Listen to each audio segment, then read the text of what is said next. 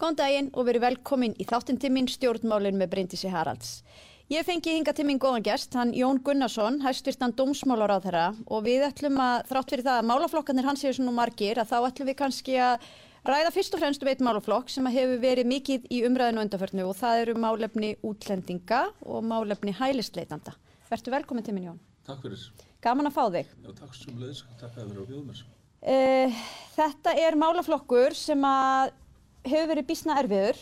Uh, þetta er málaflokkur sem oft hefur verið heitar umræðurum í nágrannarlandunum okkar. Nú hefur ég verið að segja frá því í viðtölum að alls er og mentamál nefnd fór til Noregs og Danmerkur og við vorum að ræða þar við bæði stjórnmálamenn og embætsmenn og þar verðist umræðan ekki vera svona erfið pólitist lengur, þar að segja að þeir eru komni með stefnu og þeir, fólk verið svona steyðja það hvort sem að það kemur frá hægri eða vinstri í stjórnmálunum. Það er alls ekki svo hér. Nei. Nú ert þú búin að leggja einu sinni fyrir frumvarp, forverarðinir voru þá búin að gera það þrísvar og við erum að vonast til þess að fá frumvarpin í fymtaskipti. Af hverju heldur þú að það sé svona uh, heitar pólitískar umræður hér sem að kannski sker okkur úr? Ég sko, ég hef ekki að segja að uh, aldan hafi hitt sko fyrir á Norðurlöndunum heldur en hér hjá okkur uh, og þau séu þar með búin að fara í gegnum ákveðið þróskaskeið sem við erum þá kannski að fara í gegnum. Það voru þetta fyrir nokkurum árum miklu meiri deilur um þetta á Norðurlöndum. En svo hefur bara reynslan og upplifunum sem að er búa við í dag að hún eiginlega þjappar fólki meira saman í þessum málaflokki og það er auðvitað mjög aðteglisvert að samfylkingaflokkurinn í Danmörku gengur kannski hvað lengst orðið af, af uh, stjórnmálflokkum í Skandinavíu. Þannig að uh, þetta hefur orðið mikil uh, viðsnúningur. Við sjálfstæðismenn höfum varan náttúrulega mjög við þessari þróun og, og við getum alveg sagt sko að fulltrúar þessara landa sem við elst berum okkur saman við, þau hafa líka varað okkur við þessari þróun. Mínu mati hefur þetta verið algjörlega fyrirsjánlegt hvert stemdi og núna eftir COVID er það bara alltaf rætast. Já, en sko núna er uh, svo auðvelt að segja inn í umræðinni fyrirsjáanlegt og, og, og vandi og alda, ég meina aldrei hafa fleiri verið samt að flótta í heiminum eh, en ymmit í dag. Og það var nú mikið fyrir en svo brýst út stríð í Úkrænu og auðvitað stór hluti af þeim sem eru að koma hingað eru, eru frá Úkrænu og það eru auðvitað hópur sem að við eh, sem íslensk þjóð og stjórnvöld höfum bara bóðið velkomin. En hvað, hvað er það nákvæmlega í lögjöfun okkar sem þú telur að hérna, sé með einhverjum hættu öðruvísu? Og nú er ég kannski að vísa í það að ég hef farið fram í fjölmjölum og sagt að hér séu sér íslenska reglur mm Mhm. ákunnu leiti Já. og við höfum sammælst um það í okkar þingflokki að það sé kannski mikið vægt að reyna að reynsa þær út eins og kostur er og hafa þetta kannski svona sambæri lægra því sem gerist í nágrannlöndunum okkar. Akkurat. Er það ekki það sem þú ert að vísa í eða er eitthvað Jú, annað? það er kannski fyrst og vinnum þessi grunnlög sem eru, eða lögin sem eru til grundvalla núna, að þá er að koma hingað uh, kannski 150 eða 300 manns, þú veist, upp í það. Nú vorum við að tala um að þetta geti þess að farið upp í 4500 á þessu árið þar, svona eins og Vestmanniða byggð uh, og, uh, og hérna uh, það og ok, við, þetta er hár rétt hjá þeir með Úkrænu og það er kannski það sem er megin málflutningur okkar sjálfstæðismanna í þessu, það er að sko vendarkerfið sem er mjög merkilegu samningur sem er gerður millir þjóða saminuð þjóðana, aðalda þjóða saminuð þjóðana og sennilega einhver fallegasti samningur sem að saminuð þjóðanar hafa komið sér um. Hann gengur ymmit út á það að venda fólk fyrir ástand eins og er í Úkrænu, þar sem að líf þess og limir eru virkilega í hættu. Og uh, það er það sem við viljum slá skjaldborg utan um vendakerfið, taka á móti fólkinu frá Úkrænu, taka á móti fólki sem er í sambarilegum aðstæðum og falla klárlega undir þetta vendar umhverfi sem að við erum aðilar að hjá saminuð þjóðanum. Vandamálið okkar er það að það er allir hinir sem eru raun að reyna að misnota þessa leið, fólk sem er í leit að betri lífsgæðum, betri lífsskilurðum og við getum haft fullan skilning á því að það er fólk víða um heim sem að býr við bá kjör og það er erfið staða í mörgum löndum og þetta fólk er að reyna að bjarga sér og finna sér betri lífskilurði. En þá er mitt eins og þú hefur sjálfverðið að segja í þínum svörum og umræðu um þetta, þá stígum við inn við sjálfstæðismenn og segjum, já sko en þessu fólki viljum við greiða leið í gegnum dvalar og atvinnuleysiskerfið. Það það er bara önnur nálgun. Já, Vendarkerfið verður að standa óhreft og við erum ekki eina þjóðin sem hefur ágjörð þessu. Þetta er, þetta er sameigilegt vandamál allra Evrópuþjóða.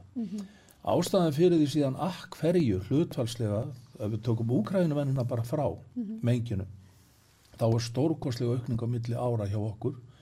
Sérstaklega er það stór hópur frá Venezuela Já. sem er að koma og síðan reyndar mjög margir að koma núna frá Palestínu og víðar. Það er líka ábyrrandi í hópnu frá Venezuela, þar er að koma fólk sem er augljóslega frá miðausturlöndum, Sýrlandi til að mynda, með venezuelsk lögleg vegabrif. já. Einmitt. Ég held að það sé mikið vett að taka það fram því Já. að fyrst þegar ég heyrði þetta þá held ég að væri verið að tala um einhver fölsu vegabrif en þarna eru lögleg vegabrif Já. sem einhverjum ástæðum eða ástæðinni væntilega svo bara Venezuela stjórnvöld eru bara að selja ríkisborgarfi. Já, það er, það er það sem að lauruglu völd og ekki bara á Íslandi hafa reykið sig á og það, þetta hafa verið fréttir líka í elendu fjölumilum. Já. Uh, Þannig að sko það eru þessir hópar sem að við viljum þá eru með í okkar kerfi reglur, í okkar lögum okkar kerfi reglur sem að hvetja þá til að koma til Íslands frekar heldur en að fara til annara landa í Evrópu. Þannig að við erum með hér innbyggðarsegla og það er ástæðan fyrir því að hlutfalslegar að koma miklu fleiri til Íslands heldur en annara landa. Og afleðingarnar af því, það er kannski á langt mál að fara í gegnum það að þetta gengur út á fresti og þau Já, já, réttindi já. sem við veitum sem er þó nokkuð mikið umfram það sem aðra þjóði gera. En þetta endar svo í því að snjóboltinn veltir bara alltaf upp á sig, af því að fiskisagan flýgur í þessum hópum. Og uh, meðan við bjóðum betur og höfum þessa kvata, þá stækkar boltinn bara í fanginu og svo vitum við hvernig staðan er bara orðinu í okkar innviðum til þess að takast á við vandamálið. En sko nú er það svo að hérna þegar talar um þess að sér íslensku reglur og bara svo fólk átti sig á því að þá er þetta greint um það í, pó í pólitíkinni eins og svo mörgu öðru og fólk sér þetta er ekki sér íslenskt en við erum þó allavega að horfa til Norðurlandana þetta eru allar, allar Evropaþjóð með einhvers konar aðeins mismunandi blæ Já. á þessu. En mér finnst nú ágætt að vísa í það að, að þingmaður, mjög reyndu þingmaður frá venstri flokknum í Danmörku þegar við hittum hann þá sagði hann sko þetta er einmitt eins og þú segir, þetta er alþjóðlegu samningur. Já, allt sem að uh, lönd fara að gera einhvern veginn ofan á það með einhvers konar krústölum er til þess fallið að eigðileggja grunnstóðina sem er verndakerfi já, og hérna þannig að það var nú afstæð þess mann sem að einu sinni satt í sambarilegu ráðunetti og þú situr í núna. Um, En það má kannski skjóta það inn í brindis Já. að sko það er mjög mikilvægt að fólk átti sig á því að við erum ekki að slá neitt af þeim réttundum sem að vendakerfi býður upp. akkurat, akkurat Það, það er grundvallaratin, Já. það er mannúða sjónamið Já. og þar er, við erum ekki að gera neinar breytingar gagvart heim hópi sem að raunverulega á þar heima, Mhm, akkurat. nema síður sér. Já, nákvæmlega. Já. Ég, ég tek undir það, en ég held að það sé mikilvægt að hafa, það eh, til hliðsunan. Svo hefur við verið að segja að það, hef, það hafa, hefur verið tiltúlega hátt hlutfall fólk sem kemur hinga að sækjum alþjóðlega vernd sem hefur þegar verið komið vernd í öðru landi. Og þá er ekki verið að vísa í þessum margum deildu diblinar hérna reglugerð, þar sem á við ef fólk hefur sótt um vernd, heldur raunverulega fengið verndina. Þetta er eitt af því sem að þú hefur lagt til að, verði tekið út úr frumvarpinu og, eða út úr lögunum e, og hefur verið svona svolítið umdeilt. E, svo er þetta með tímafrestina sem hún vísar í, sem er kannski séríslenska reglur. En þá verður nú kannski að viðkennast að að einhverju leiti voru þessi tímafresti settir inn vegna þess að við vorum ekki að standa okkur nú vel í því að fara yfir þessar umsóknir sko. Já. Þannig að ég er svona velti fyrir mér, þú veist, ég held að það hefði nú fyrst og fremst verið sett á á lakirna til að íta á það að útlendingastofnun og stjórnvöld næðu að afgreða umsóknir hérna fyrr. Nú erum við búin að ná ágætis hérna eh, gangi í það, en erum við þá kannski að sjá fram að fólk sé hreinlega hagnýta sér þessa fresti með einhverjum hætti? Já, það er þannig og, uh, og hérna, uh, sko, við bjóðum, ef við tókum Venezuela til dæmis, þá, við að, þá er samkvæmt úrskurðið í kærunendar útlendingamála sem er endalegt úrskurða vald í þessu málaflokki og ráðunetið hefur enga aðkoma að og þingið er að breyta lögum til að, til að væri eitthvað ekkert að reyfa við að niðurstaða þeirra er bara svo að það er að veita hér öllum frá Venezuela viðbótavend. Við erum eina landið í Európa sem veitir haf með slíkum hætti sem við gerum. Spánverðir eru bara með þetta sem uh, á mannúðar ástæðum. Þannig að til að mynda þeir sem eru að koma frá Venezuela fá strax miklu meiri rétt heldur, réttind í dag heldur en þeir sem eru að koma frá Úkræðinu. Sem er algjörlega óskiljanlegt. Já, ég meina það er bara því að við veitum uh, Úkræðinu fólkinu bara vend á grundvelli mannúðarsjónamiða Já, En þessi viðbótarvend sem að úrskurðanemdin sagði að við yrðum að hlýta og, og það er ekki allir sammálum það sjáðu, en hún bindur okkur í það að þetta er fjögur ára samningur og þú fær miklu meira félagslegum réttendum strax og þetta eru við auðvitað að skoða hvernig við getum ávarpa þetta að ég tek undir að með mjög þetta óeðlegt Já. Uh, síðan erum við með þessa tímafresti sem að uh, við erum auðvitað að reyna með þessum lagabreitingum að gera málsmeðferðarnar skilvirkari, geta ymmit uh, eins og samningur okkar eina sjengen gerir ráð fyrir ef þú ert komið vend í einu landi þá sækir ekki um vend í öðru landi.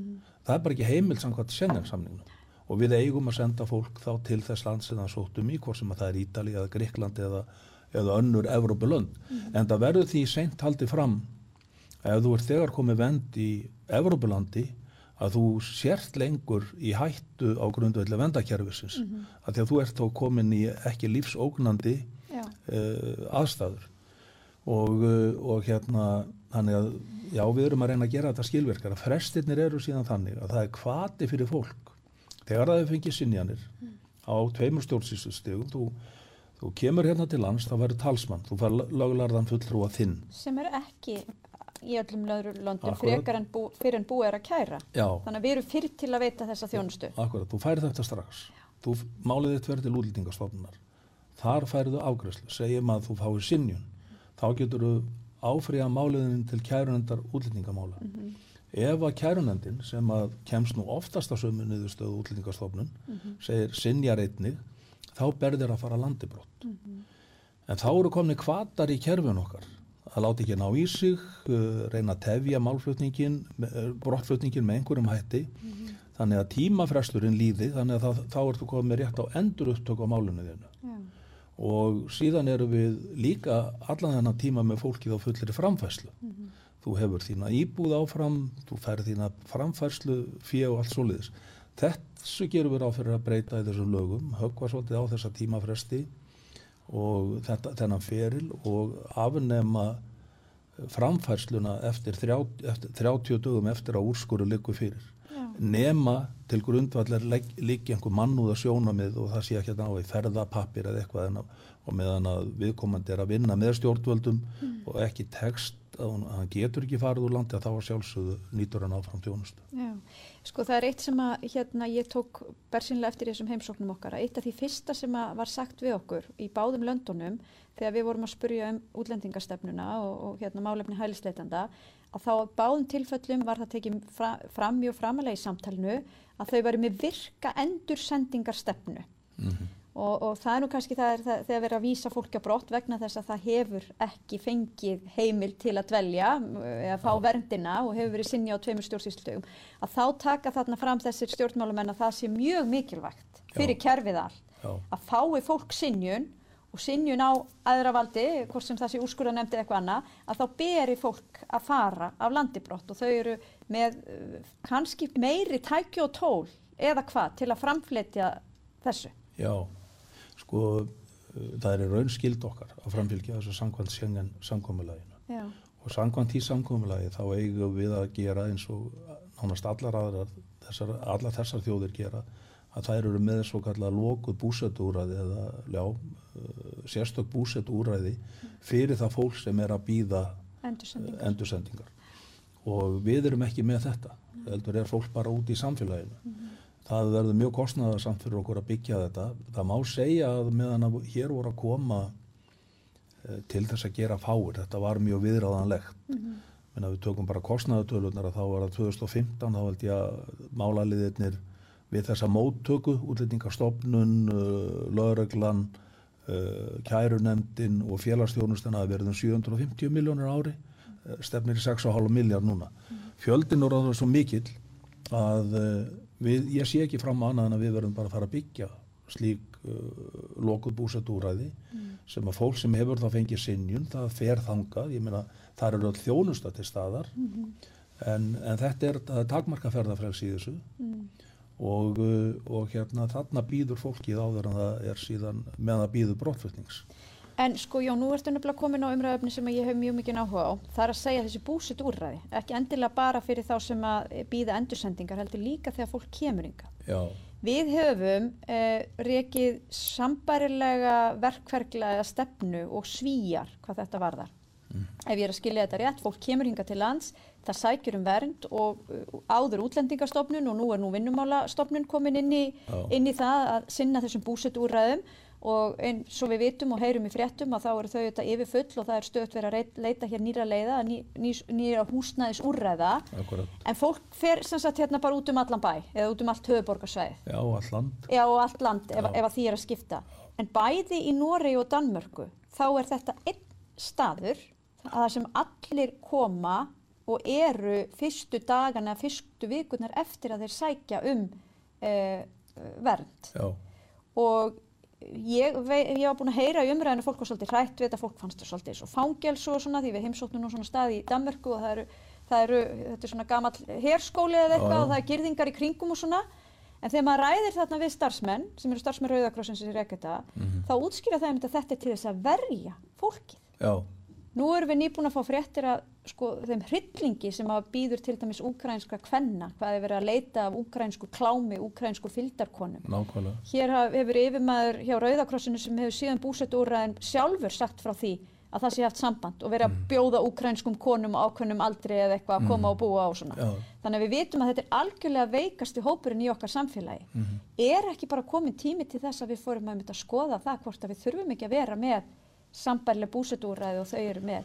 Því þannig er þá líka verið að tala um sko, þjónustuna, leikskóli, skóli, Já. fyrir utan auðvitað húsnæði og, og auðvitað fæði og klæði og það.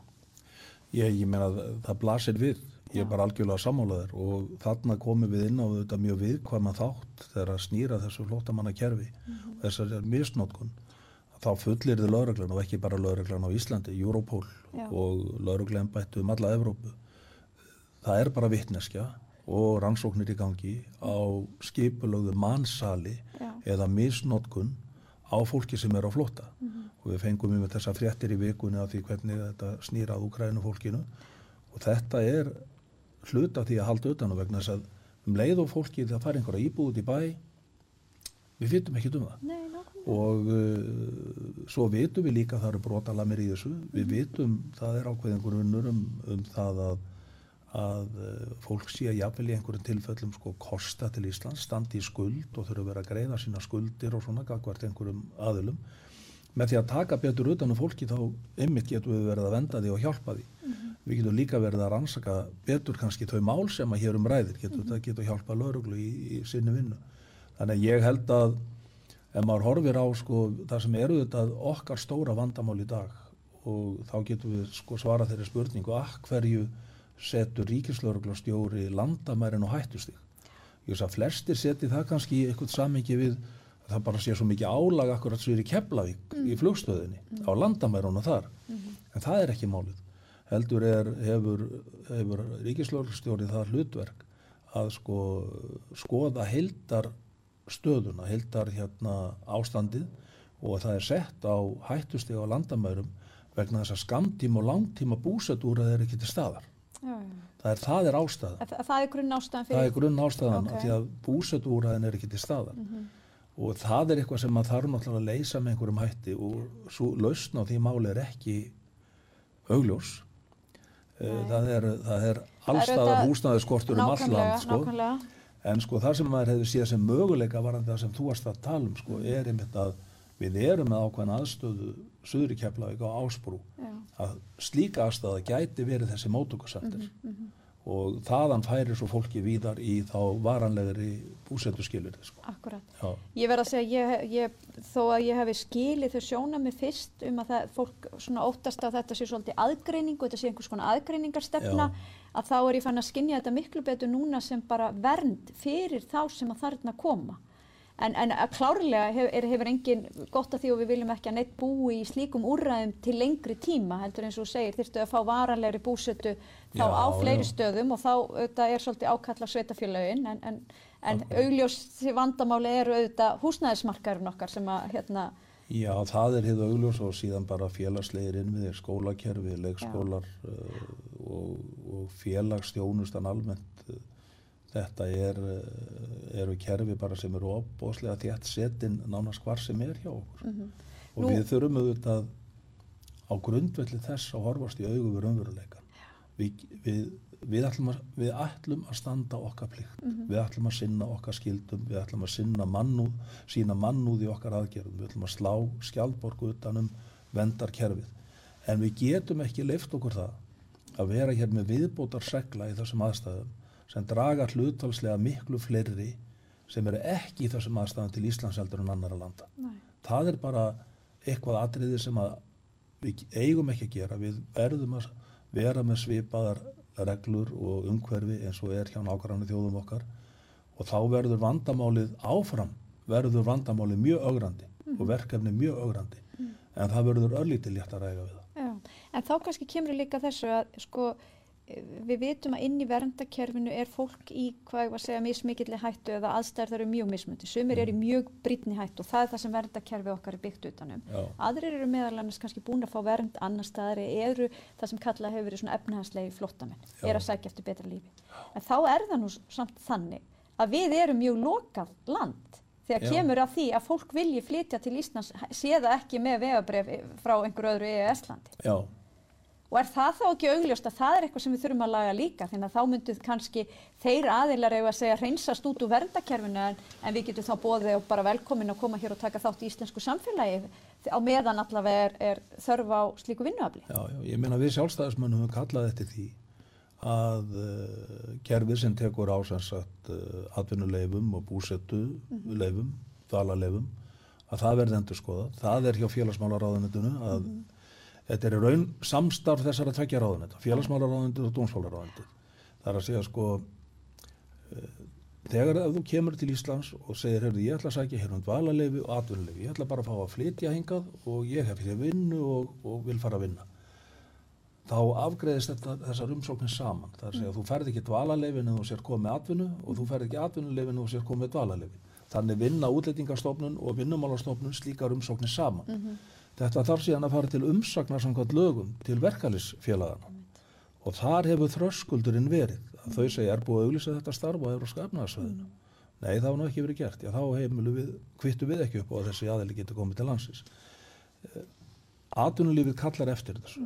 Eh, Allt frá sko reyndum sérfræðingum, sérþekking og ymsu sviðu, sviði í hinn ymsu störf sem að þar koma.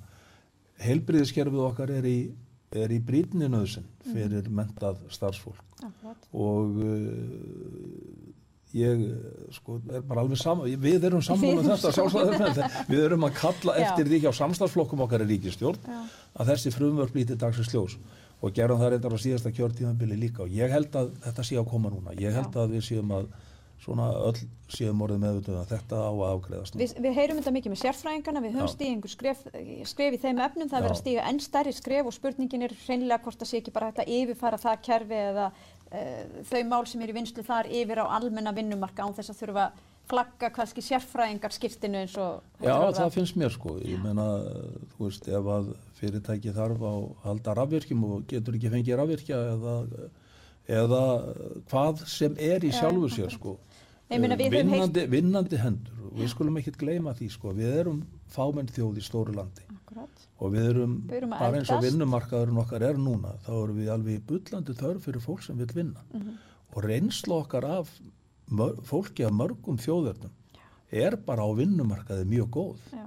Það eru þetta alltaf svartir sögðir innan um allstaðar alveg eins og hjá okkur eigin þjóð Mhm. og, og hérna en upp til hópa þá er, þá er þetta fólk að skila sínu og við þurfum auðvitað bara að gæta þess hér að útbúa skólakerfi og annað þannig að sko þetta fólk einangrist ekki og börnin einangrist ekki heldur geta aðlaga sig íslensku samfélagi. Og uh, til dæmis þegar komið er inn á háskólanám þá þurfum við aukið annarkort aukið samstarfið elenda háskóla eða þá háskólanir þurfa að taka sér saman að það að kenna meira til dæmis að bachelornámi bara á ennsku Mhm, mhm. sem er ekkert kent nánast í dag á ennsku ekki fyrir hún kemur upp á mestarsteg Nei, einmitt. Uh, Og við varum mitt að ræða það bara við háskólar á þeirra síðast í morgun Já, og þau akkurat. verkefni sem eru í bíkir þar. En eins og nefnir, það er líka skólakerfi okkar og það er okkar besta og hérna vittakasta jöfnunatæki. Þannig að ég tek undir það og ég held að það sé stóramáli okkar. Einmitt, að Mhm. Við þurfum að búa betur að þessum börnum í skólakerfin okkar. Og því miður er staðan svo eh, hjá sveitarfélunum í skólakerfinu að þau hafa ekki það sem þarf til til að taka á móti þessu mikla fjölda barna flóttamanna sem að eru núna bara að byrtast í skólanum. Og þess vegna verðum við að að reyna í staðan fyrir að vera alltaf að setja fötur undir lekan í gegnum þakki hér og þar að fara upp á þak og gera við það. Já. Það er miklu betra. Þarna kemur hérna innað maðurinn og verktakinn er- Gunnarsson og segir, förum í þakkið. Tímaband, hitt er Akkurat. tímabandi löst. Tökum myndi það, gerum við þakkið. Já, Kæra þakki fyrir komuna Jón og eiga þetta samtalið um mig. takk sem leiðis. Takk fyrir.